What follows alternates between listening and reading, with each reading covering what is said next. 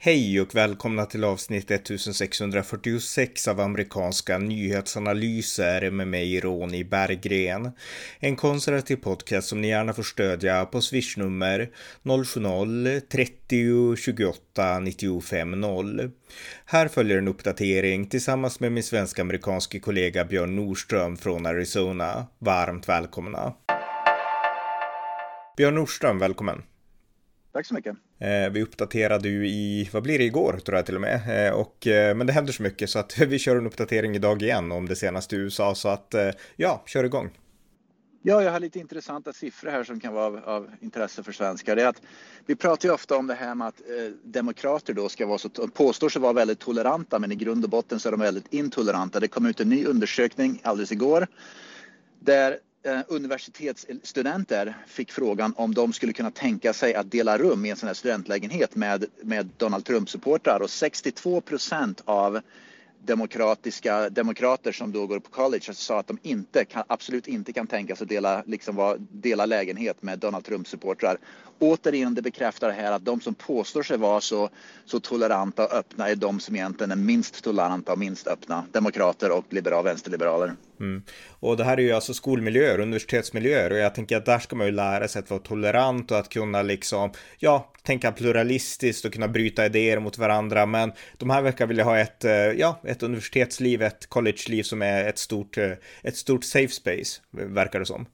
Jajamän, för att gå vidare på universitet som visar. Det här är precis det motsatta, Det var ju den här revolutionen, 60-talsrevolutionen, var det 68-revolutionen som skedde då framförallt i Kalifornien på Berkeley som drog igång det här med free speech och allt sånt där att man måste skydda.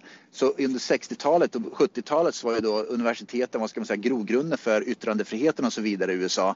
Men det har ju blivit raka motsatsen nu helt enkelt. Va? Så, att, så att vänstern som verkligen värnade om yttrandefrihet och frihet och tankefrihet och åsiktsfrihet under 60-talet Eh, vänstern idag är precis raka motsatsen. Ett exempel på det är att University of California i, i Berkeley tror jag det var har nu gjort en uh, det, det, det, det, är studentlägenheter som ligger rakt över gatan från University of California, Berkeley. Det ligger San, utanför San Francisco i Oakland, Kalifornien. Mm. Och där nu får vita elever får inte längre vistas på, på, bland de studentbostäderna svarta elever, asiater och latinamerikaner får vistas men vita elever är bannade från hela, från hela, då, eh, från hela bostadsområden. Enda gången vita elever får vistas där är att om en svart elev ger dem tillstånd och även om bostads, vad ska man säga, bostadsföreningen, hyresrättsföreningen då, som, som driver den, de där studentlägenheterna, om de godkänner att en vit person får, så att snack, får komma in, får, får vistas där. Snacka om, alltså snacka om rasism i grund och botten. Ja, ja, men det här är verkligen, det här är ju rasism. Det här är definitionen av rasism, även om det riktas mot vita i det här fallet. Men alltså, det, det går inte att klassificera det som något annat. Det, det, det är det här som inte vänstern begriper. Vi vet att, att vita var rasistiska mot svarta genom åren. Det finns tillräckligt mycket bevis för det. Mm. Det behöver ju inte ens diskuteras, men det, är, det sker inte nu. Va? Men det verkar som att vänsterns lösning på det här, det är att vara rasistisk mot vita nu. Att man ska göra precis samma sak mot vita som det här är öga för öga, tand för tand eller vad det nu är. Nu ska man göra precis likadant mot vita som de svarta fick genomgå utan att begripa att det enda man gör det är att skapa ett oerhört eh, splittrat samhälle, ökar hatet och slutligen två olika nationer för att det går inte att leva i en sån, en sån nation längre mm. naturligtvis. Men de, de, de begriper inte vänstern att det de gör det är att de skapar precis det samhället som de påstår sig vara emot. Mm. Och, det är inte, och det är inte bara att vänstern inte begriper, det rapporteras ju inte det här heller, åtminstone inte i Sverige, att den här omvända Nej, rasismen, klart. om man ska kalla det så, att den finns. För jag menar, den finns, det här är ju bevis på det, men det, det, det, liksom, det rapporteras inte om det heller, utan rasism enligt mainstream media, det kan bara gå till ett håll ungefär. Ja, visst, och det är det han påstår i Sverige. Va? Så jag tror att två anledningar. Nummer ett så tror jag man inte hänger med på vad som pågår. SVT, trots sin enorma budget, hänger ju inte med i sånt här överhuvudtaget. Och nummer två, även om de råkar se att det här pågår så naturligtvis kan man inte rapportera sånt här i svensk media därför att då visar man då vad som pågår bland de vänsterliberala demokraterna i USA. Det vill man inte göra egentligen därför att det, det visar egentligen, man har ju ett narrativ som man vill driva och det är ju inte ett narrativ som, som stämmer överens med det man vill visa upp i Sverige. Nej, nej verkligen. Ja, fortsätt. Jajamän, ytterligare siffror här. Uh, jag såg att uh, vad det nu, 55 procent uh, av, vänta jag måste jag måste hitta de siffrorna här. Mm. Jag kan slänga det här till, till, eh, snabbt bara. Eh, den republikanska guvernörskandidaten i, i delstaten Arizona, Carrie Lake, hon har sagt att om hon vinner guvernörsvalet i november så kommer hon att deklarera state of emergency på grund av den illegala invandringen. Vi nämnde igår att det är den största illegala invandringen i amerikansk historia som pågår just nu i år. Och hon ska då deklarera en state of emergency uh, som gör att, att, att, helt, att delstaten Arizona kommer att kunna liksom free up då massa olika resurser då, allt från nationalgarde till olika saker för att försöka stävja den illegala immigrationen då som sker mot över Arizonas gränser. Just så det. att det, det, det, är en konkret sak som hon vill åstadkomma och det är en oerhört stor skillnad mot den, eh, den demokratiska guvernörskandidaten som inte pratar överhuvudtaget om problemet som sker vid mm. gränsen. Så att kontrasten är extremt stark. Tittar man på till exempel där jag bodde förut i Vermont Eh, republikanska demokratiska guvernörskandidater. Kontrasten är ganska liten egentligen. Det, sker igen, det, det är lite grann som, i, som det var på den gamla goda tiden i Sverige mellan socialdemokrater och moderater. Man bråkar lite grann om skatter hit och dit ungefär. Va? Mm. Men och det är lite grann som i Vermont då, att, att, att eh, republikanska guvernörskandidaten vill ha lägre skatter och, och demokrater vill ha lite högre skatter. Va? Men det är ganska små skillnader egentligen. Men här i Arizona så är skillnaden då liksom enorm, den är extrem. Just för att problemen här, problemen i Arizona är så mycket mer konkreta på grund av Mexikogränsen än de är i Vermont eftersom Kanadagränsen är ingenting man behöver bry sig om. Mm, ja men det, det är jätteintressant. Men du letar statistiken så kan jag berätta en annan sak och det är att eh, ett distrikt i New Jersey, de har beslutat att byta namn från en skola, en elementary school, alltså en grundskola som heter eh, Thomas Jefferson heter den. Den heter, skolan ja. heter, nu ska jag säga nu, Jefferson Elementary School i South ja. Orange, New Jersey. Och den kommer nu att heta Delilah Bolden Elementary School eh, för att då hedra den första svarta kvinnan som tog examen från den skolan. Och eh, varför man då vill stryka Thomas Jefferson, det beror på att han var slavägare såklart.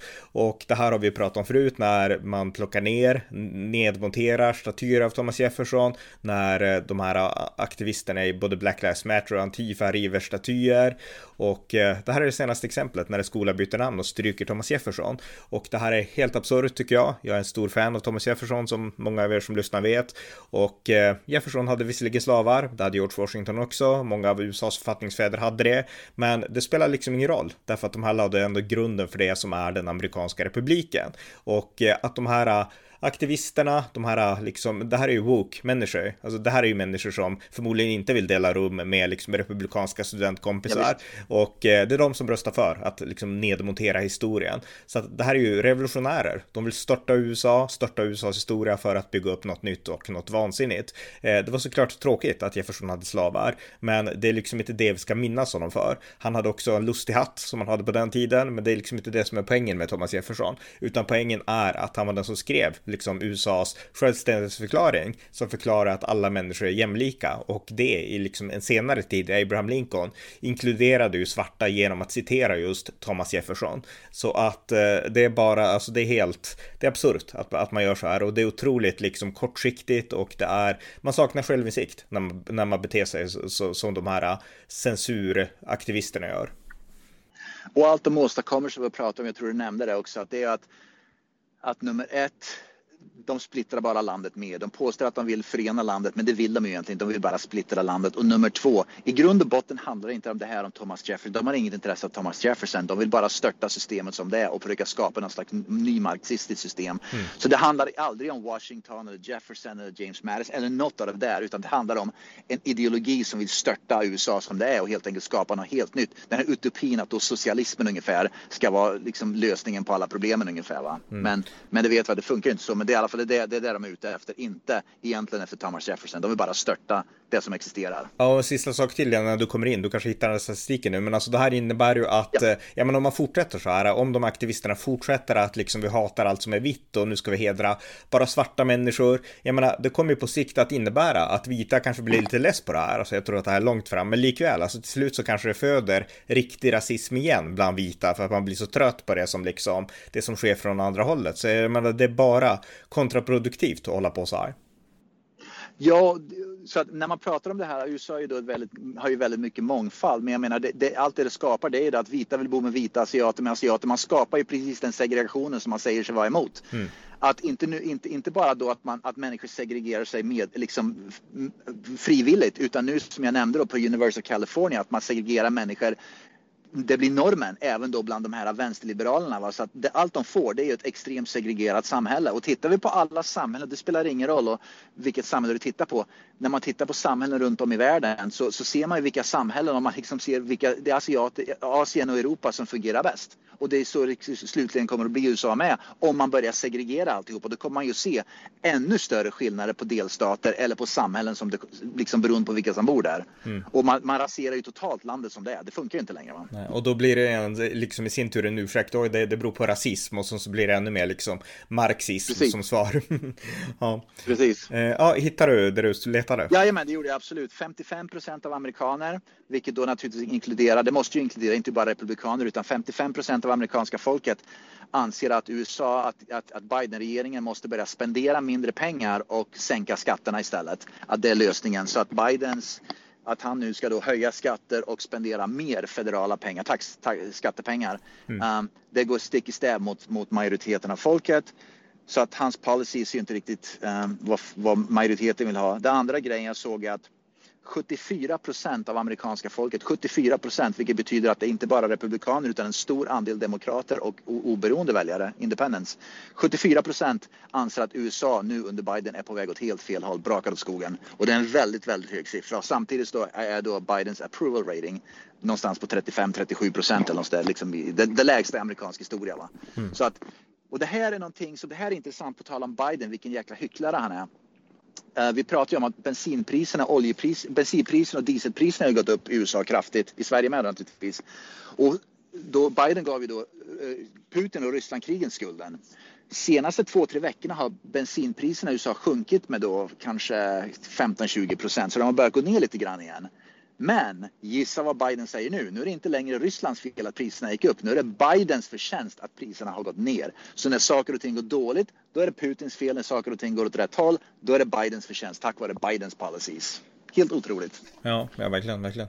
Eh, en sak jag tänkte nämna det är att den här eh, FBI-räden, razzian mot Donald Trumps hem i Florida, den fortsätter diskuteras. Republikanerna, de är tydligt till stöd för Donald Trump och Demokraterna gör det de kan för att på något sätt förklara att det här var en legitim operation ungefär. Och jag är helt på Republikanernas och Donald Trumps sida här. Jag har läst massa saker och lyssnat på experter och så här och eh, jag tycker att det här är helt förkastligt och det spelar faktiskt ingen roll nästan var de hittade därför att att bete sig så här mot en amerikansk president det underminerar det amerikanska systemet. Det här är inte bra. Eh, en amerikansk president, han måste såklart följa lagen, men primärt så är den ed som en president svär, det är till konstitutionen och det gör att det finns en person i USA som ändå i viss mån, man kan säga att alla är lika inför lagen, men presidenten är i viss, vissa avseenden en person som liksom bestämmer vad lagen ska vara. Inte liksom all lagstiftning såklart, men vissa saker i enskilda frågor som dokument och liknande, där har presidenten makt att faktiskt avgöra vad som är rätt eller fel. Och det är det här som inte framkommer i debatten tillräckligt mycket, så att jag står på helt på Trumps sida. Men det som jag vill påpeka här, eller berätta, det är att Eric Swalwell, den här demokraten från Kalifornien ja, tror jag, som ja. var presidentkandidat 2020 för Demokraterna, eller en av primärvalskandidaterna, han gick ut nu och pratade om alla hot som FBI har fått efter, ja, efter den här räden, och Trump-anhängarna är fruktansvärda, de skriver fruktansvärda saker på sociala medier och eh, ja, nu känner sig justitiedepartementet hotat och liknande. Och eh, ja, det, det, det stämmer väl förmodligen att det har skrivits otäcka saker i sociala medier. Det betvivlar jag inte. Jag har läst en del saker själv. Men, men han nämner liksom inte att det här är ju liksom inte några reella liksom allvarliga hot har inte kommit till stånd av det här. Det, det finns ju någon enskild person som har gjort något och sådär. Men, men alltså generellt, tänk tillbaks lite grann när det var liksom allt prat efter George Floyd och liknande. När det var prat om, prat om att vi ska liksom poliserna, de är hemska och republikanerna är hemska. Då gick Antifa omkring, slog sönder städer, man liksom mördade till och med Donald ja. Trump-anhängare, misshandlade Donald Trump-anhängare. Det här händer ju ofta, hur många gånger som helst, överallt i hela USA nästan, men i storstäderna i synnerhet. Och då sa Eric Swalwell och även Joe Biden inte ett knyst, utan man var helt tyst. Och eh, så att man liksom, man beter sig mot näthat som om att hård retorik på nätet vore samma sak som att gå ut med liksom vapen och flaskor och liksom batonger och slå folk. Och eh, man kanske kan tycka att retoriken är otrevlig, men det är inte samma sak. Och jag tycker Demokraterna blandar ihop det här. Ja, det är inte bara det. Jag menar, Brett Kavanaugh har ju blivit mordhotad och även då Uh, det andra HD-domaren, vad är han heter, Clarence Thomas har blivit mordhotad. Mm. Så när republikanska eller konservativa blir mordhotade, då bryr sig Swallow bryr sig inte skvatt om det, utan han bryr sig bara om när det går åt ett håll. Ja, ja men det, det, det är bara backa bara några veckor när det var abortdebatten, då var ju alla konservativa ja, domare hotade. Mm. Jajamän, absolut, men det bryr de sig inte om och det är oerhörda hyckleriet. Det här var intressant för att FBI då, uh, republikaner, vissa republikaner gick ut och skojade lite. Det var väl lite skoj och lite allvar, men det var kanske lite skoj. De sa att ni som är demokrater, ni har ju gapat om att det ska bli defund the police och allt sånt där. Nu borde ju ni gapa om att det ska bli defund FBI. Varför gapar ni inte om defund FBI? Jo, naturligtvis därför att de gick efter Trump. Mm. Ni, var, ni vill bara göra defund av sånt där när de går efter när, när, liksom, när det passar er agenda. Men när det inte passar er agenda, då ska man inte defund. Så, så om ni vore konsekventa så borde ni defund FBI också nu. Mm. Men det vill ni inte naturligtvis. Nej. Så att det, det, liksom, det var en intressant poäng som republikanska politiker gjorde. Att de liksom påpekar att, uh, att demokrater och vänsterliberaler vill bara liksom av defund när det passar dem. Mm. Ja, verkligen, verkligen. Ja, fortsätt om du hade fler saker. Jajamän, ja, en, en sak här som är moderata, det finns ju flera svängdelstater naturligtvis i höstens val. Det är Ohio, de, de gamla vanliga, liksom Ohio, Pennsylvania, de där, Wisconsin kanske i alla fall. Det som oroar vad ska man säga, moderata väljare, Trump det gick ju väldigt bra för honom, liksom, hans endorsed kandidater uh, i vissa delstater då har det ju gått bra för. De, de har ju blivit då um, liksom huvudkandidaterna då för, för, för valet i höst. Men det, oroan, det som oroar vanliga republikaner, även republikanska partiet, är att många som är då moderata, liksom i mitten av liksom oberoende väljare eller moderata, liksom de moderata demokraterna man försöker locka över till republikanerna kanske inte kommer att rösta på den kandidaten i höstens val enbart för att de ser att det är lite grann för mycket åt höger därför att det är Trumps kandidat. Mm. Så det kan liksom sätta käppar i hjulet för höstens val enbart för att det är Trumps kandidater. Det hade kanske varit bättre om det hade varit en icke-Trump-kandidat som hade varit en republikan som hade varit lite mer i mitten. Och, titt, och jag såg att till och med att det var demokrat, jag minns inte vilken delstat, det var Maryland eller någon sån här delstat där demokraterna, förlåt, där republikanerna är lite mer åt mitten. De är inte lika åt höger som till exempel i Texas eller Arizona då. Och där hade till och med demokraterna gjort reklamfilmer för att hjälpa de, ex, mer högerextre, de, hö, de, de, kandidaterna som är på mer högersidan som blev, blev stödda av Trump. För Demokraterna resonerar så här. Om vi hjälper Trump-kandidaten att vinna primärvalet så ökar det sannolikheten att demokraten sen kommer att vinna i november. Exakt. Istället för att Precis, och det, det är så Demokraterna hjälpte Trump-kandidaterna genom reklamfilmer. Mm. Och, och, jag måste ge en parallell där, därför att det, här, det var exakt det här som hände. Det, du minns kanske Tea Party-rörelsen 2009 när Barack Jajamän. Obama hade tagit Tack. över.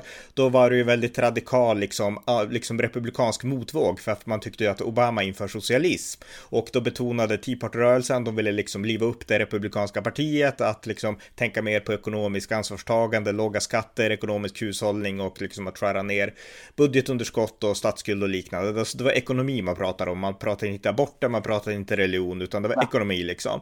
Och eh, i den vevan så kom det in väldigt många liksom, nya radikala kandidater och i primärvalen inför, primärval, eller inför mellanårsvalen 2010 då var det väldigt många sådana här ganska udda människor som liksom ställde upp i republikanernas primärval för att slå ut etablissemangskandidaterna i republikanerna som man då menade liksom var etablissemanget, ja. ungefär som det är nu. Och eh, i den vågen så var det jättemånga besynnerliga människor som vissa förlorade visserligen i primärvalen, men vissa vann också. De hade ingen chans än mot demokraterna för de var jättekonstiga och jag skulle kunna nämna några namn men jag sparar det till en podd. Men sen hände det en sak 2000, eh, jag tror att det var 2011. Det var ett fyllnadsval i Massachusetts och Massachusetts är ju väldigt eh, liberal såklart. Kennedy ja. liksom delstaten och där vann en republikan. Han hette Scott Brown och han tog över. Jag tror han tog över Ted Kennedy. Det var när Ted Kennedy hade dött. Hans senatsplats och så det var ju jättestort att en republikan vann den liksom. Eh, och han vann då genom att inte vara så här extrem utan genom att vara moderat. Men hade liksom de här mer hardcore Tea Party-kandidaterna vunnit där, då hade ju såklart Demokraterna sopat mattan med liksom med ja. republikanska kandidaten. Och det är lite det som händer nu, så att det här är, det ska bli intressant att se om Trump lyckas med det här hela vägen. För risken finns att, att de här liksom allt för radikala kandidaterna kanske ändå inte kan besegra Demokraterna och inte vinna mittenväljare.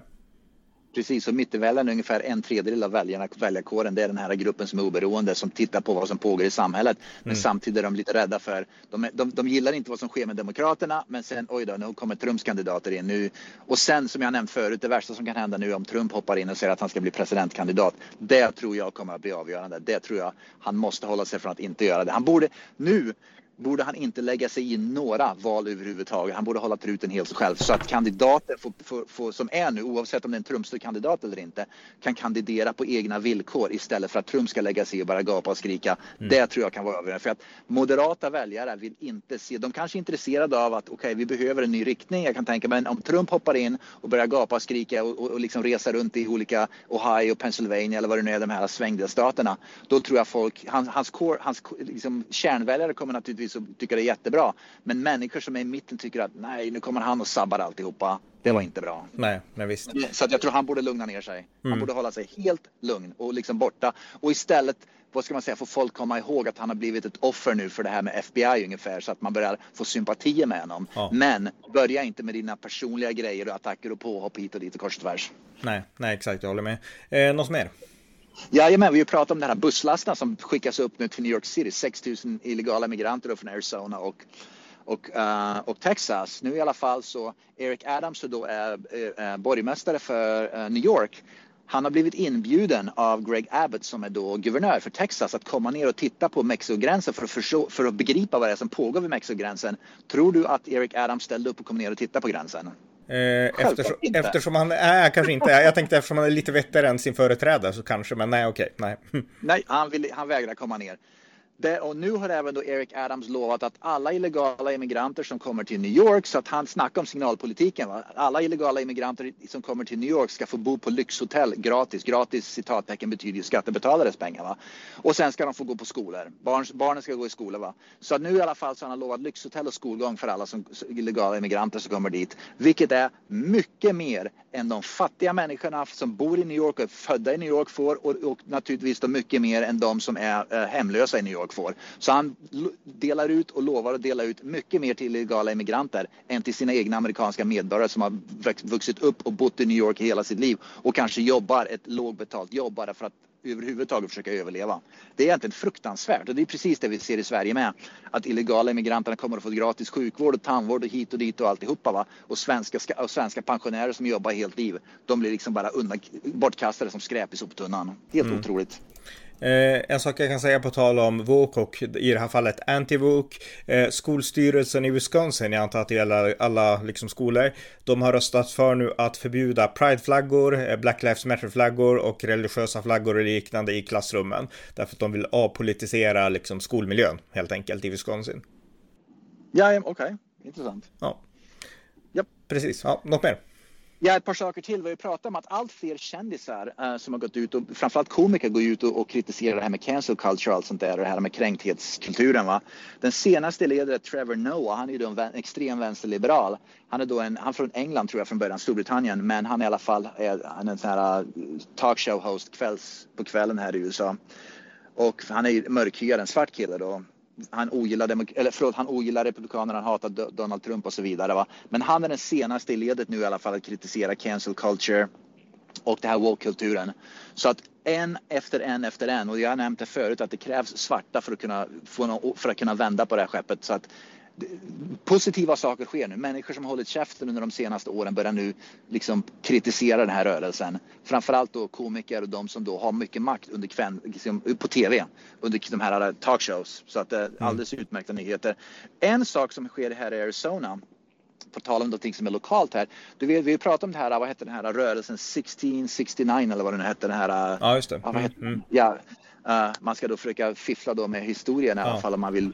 I alla fall här i Arizona i alla fall i, i, har man börjat istället göra något som heter 1776-rörelsen som man då pluggar, som då ska vara historien i skolan. Med andra ord, uh, jag läste nyligen i lokalnyheterna att uh, en, en, en kommunen som bara är några en mil härifrån där jag bor, de undervisar nu vad de kallar för 1776 läroplanen vilket betyder att man ska undervisa USA ur ett patriotisk synpunkt. Mm. Så det ska vara patriotismen som driver undervisningen i historien. Helt inte woke-rörelsen. Med andra ord motsatsen till woke-rörelsen. Alldeles utmärkt. Om jag får brodera ut det här lite grann, för det kan vara värt att verkligen förklara skillnaden. Alltså det här som man lär ut i den här 1776-rörelsen, det är de klassiska, den klassiska amerikanska ja. synen på sig själv. Alltså att USA är ett land grundat på idén om frihet, författningsfäderna, ett land som grundas på religionsfrihet, liksom fri företagsamhet. Alltså det som är grunden i USA, det är alla amerikaner, utom kanske ungarna idag, och har växt upp med. Det är det som det här ja. vill lära ut igen. Medan eh, 1600, 1900, 1619-rörelsen. 1619 så var det. Exakt, 1619-rörelsen, den handlar om att liksom lära ut amerikansk historia ur de svartas perspektiv. Därför att det var 1619 som den första slaven fördes från Afrika till de engelska kolonierna i Amerika då. Så att eh, där vill man liksom lära ut någon slags sidohistoria att USA ungefär. Var rasistiskt. Ja. ja, exakt, att USA var rasistiskt. Målet är att bara hålla upp USA som superrasistiskt och allt det handlar om rasismen. Exakt. Inte att USA skapa ett helt en helt ny nation baserat på en, helt, ett helt, ett, på, ett helt, på en konstitution som ja. är helt annorlunda än världen någonsin hade sett tidigare. Exakt, men det är det som 1776-rörelsen vill liksom lära ut igen då till barnen. Så att jag är, det är jättebra att, att, att de kör på det i Arizona istället. Alldeles utmärkt och det beror ju på naturligtvis att guvernören här är ju då uh, konservativ. Ja. Uh, en ny siffra jag bara tänkte kasta ut här riktigt snabbt. Uh, Joe Biden ska nu släppa lös, tydligen finns det 250 000 illegala invandrade barn, barn till illegala invandrare, barnen som då också är illegala för att de har ju kommit med föräldrarna på olika sätt. Så 250 000 barn ska då släppas löst här i USA. Nu vet jag inte riktigt hur det ska fungera i praktiken men i alla fall det är en ganska hög siffra. De ska väl in i skolor och allting sånt där. Men det är i alla fall som Biden ska då. De, jag vet inte vart de, vart de befinner sig men de befinner sig runt om i USA så att de ska nu bli officiella på något vis. Jag vet inte hur det ska fungera i praktiken. Men det kommer ju inte bli lätt då att helt plötsligt, helt plötsligt kommer det att finnas från ena dagen till den andra 250 000 fler barn i landet än man, än man visste tidigare va? Som är då här illegalt. Och mm. då, då är det väl upp till skolsystemen och kommunerna att försöka lösa problemen. Uh, vart de ska gå i skola, vart de ska bo och så vidare och så vidare. Va? Så, uh, inte en lätt uppgift tror jag för, för kommunerna. Det kommer att bli väldigt problematiskt för vissa kommuner. Mm. Eh, jag vet inte om vi har pratat om det förut, men Joe Biden är på semester. Jag tror i alla fall att han fortfarande är på semester. Jag tror han åkte till, om det var North Carolina eller något liknande, med sin son Hunter Biden. Och eh, Joe Biden är ju trött och gammal och yr och virrig. Ja. Så att Ron Klein, som är hans eh, främsta ja. rådgivare, och eh, Susan Rice, som också är en, en av hans rådgivare, de är nu de som har skött liksom, liksom the business i Vita huset, därför att Biden är, är på semester helt enkelt. Och det här visar ju lite grann att, eh, okej, okay, jag menar man ska kunna vara på semester, men jag minns att när Trump var ute och golfade, då skrevs det i alla fall här i Sverige jättemycket om att han bara golfar, han är bara på semester liksom. Så att, ja. Eh, ja. Jo, skillnaden är att, när Biden är på semester, det var lite grann som Obama. Obama, när man räknar dagarna Obama var på semester, det var massa dagar, men det skrev man inte i Sverige. Man ville bara måla upp, målet var att man ville måla upp Donald Trump som att han alltid är på semester eller spelar golf, va? att han är en dålig president och inte tillgänglig. Va? Medan då Obama och Biden vill man inte säga sånt där, men ärligt talat rent från ett praktiskt perspektiv, det är inte en, det är inte en chef som vet om om Biden är på semester eller inte. För det blir ingen skillnad, ingen vet. Och det handlar inte om policies eller någon form, det handlar om ledarskapet. Även om Donald Trump var ute och spelade golf eller på semestern, han uttalar sig, han twittrar, han, han, han visar vem som var, liksom, vem som var presidenten. Va? Han, var liksom, han var tillgänglig och han var i offentligheten trots att han var på semester. Va? Men Biden, man vet aldrig, man vet inte om att man jobbar, om man är på semester eller vem det är som leder för att hans ledarskap är liksom noll va? och han är alltid liksom gömd på ett eller annat sätt så att egentligen så spelar det ingen roll därför att man vet inte vem som leder landet överhuvudtaget ändå va? så det, det kvittar egentligen. Ja. Eh, något mer? Jajamän, en sista sak som jag har. Um, vi pratade om det här att jag har en vän här som bor i USA som då blir sparkad. Vi pratade var förra podden igår mm. att, att det här med första tillägget och fjortonde tillägget då en sak som jag lyckats gräva upp och det jag borde ha kunnat här från början men det finns faktiskt, det finns, och vi pratar mycket om HD, jag är otroligt intresserad av HD. Det finns ett fall från 1968 som heter Pickering versus uh, School uh, Board of Education. Eh, så det, och det, har satt, det var ett HD-domslut när det var en, en um, en, en, en, lärare för en kommun, en, en, en lärare för ett, för, ett, för ett kommunalt skoldistrikt här i USA, jag, tror, jag kommer inte ihåg vilken delstat, Wisconsin eller sånt där, som i alla fall kritiserade då skoldistriktet för att satsa för mycket pengar på idrott, på liksom på sport mm. och inte tillräckligt mycket pengar på akademiska. Han vill ha mer pengar till akademiska, akademiska ämnen och mindre pengar till, till liksom, uh, idrott i alla fall. För att han tyckte att det akademiska är viktigare än sport. Mm. Och då blev han sparkad på grund av det. Men då i alla fall kom HD in. Det blev ju stämningar kors och tvärs. Det hamnade HD. HD beslutade då att även om man är kommunalt anställd så har man då rätt att uttala sig. Det var då det här prejudikatet sattes att man även då man är lärare på en skola så har man rätt att kritisera saker och ting på grund av, eh, av första och fjortonde tillägget i, i konstitutionen. Så det var det jag tänkte komma till. Så min vän då är, titt, håller just nu på att granska det där för att se om han har ett domstolsfall, vilket han naturligtvis har. Men det som är intressant i USA i alla fall, och det återkommer till det här med HD, det är just det här att det finns de här prejudikaten som är satta som man fortfarande använder sig av. Vänstern kommer ju nu säga då, men vad, vadå, Roe vs Wade var ju också ett predikat, mm. prejudikat, eller hur? Men jag tänkte bara nämna det för att visa vilken skillnad på det här är.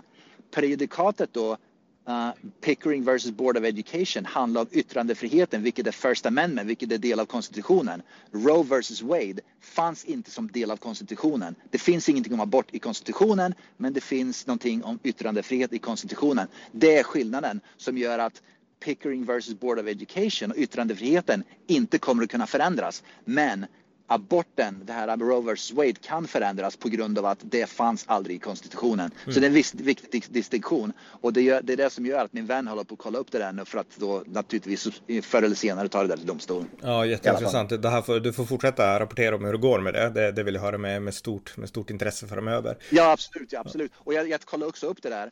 Uh, väldigt många, vi har nämnt det i poddar förut, att det finns många collegeprofessorer som blivit sparkade då, som jobbar på, på, eh, på på offentliga universitet som blir sparkade just för att de har skrivit saker i social media. Men när man då går tillbaka och tittar på de fallen så den ena efter den andra har då stämt universitetet och vunnit i domstol eller vunnit ett stort settlement. Amandro, jag vet inte vad det är på svenska, utanför domstol, man vinner utanför domstolen. Uh, universitetet erkänner inte att de gjorde fel men de betalar en massa pengar och återanställer professor, professorn. Och allt återgick till första tillägget, fjortonde tillägget och det här uh, Pickering versus Board of Education. Det återkom till just de där sakerna. Va? Um, så att när de blir sparkade på, amerikan, på amerikanskt universitet så finns det då de här grundpelarna som professorer eller lärare då kan gå till och säga att ah, ah, ni har inte rätt att sparka mig, nu tänker jag stämma er just för att ni helt enkelt bröt mot lagen. Mm, ja. Eh, ja, det var allt jag hade. Du hade inget mer, eller? Nej, det var, det. Var det. Okej, tack. Tack så mycket. Tack för att ni har lyssnat på amerikanska nyhetsanalyser, en konservativ podcast om USA i det vänsterliberala svenska mediebruset. Stöd gärna podden på swishnummer 070-30 28 95 0 eller via hemsidan usapool.blogspot.com på Paypal, Patreon eller bankkonto. Har ni möjlighet så skänk också gärna en slant till valfri Ukraina-hjälp. Allt gott tills nästa gång. thank you.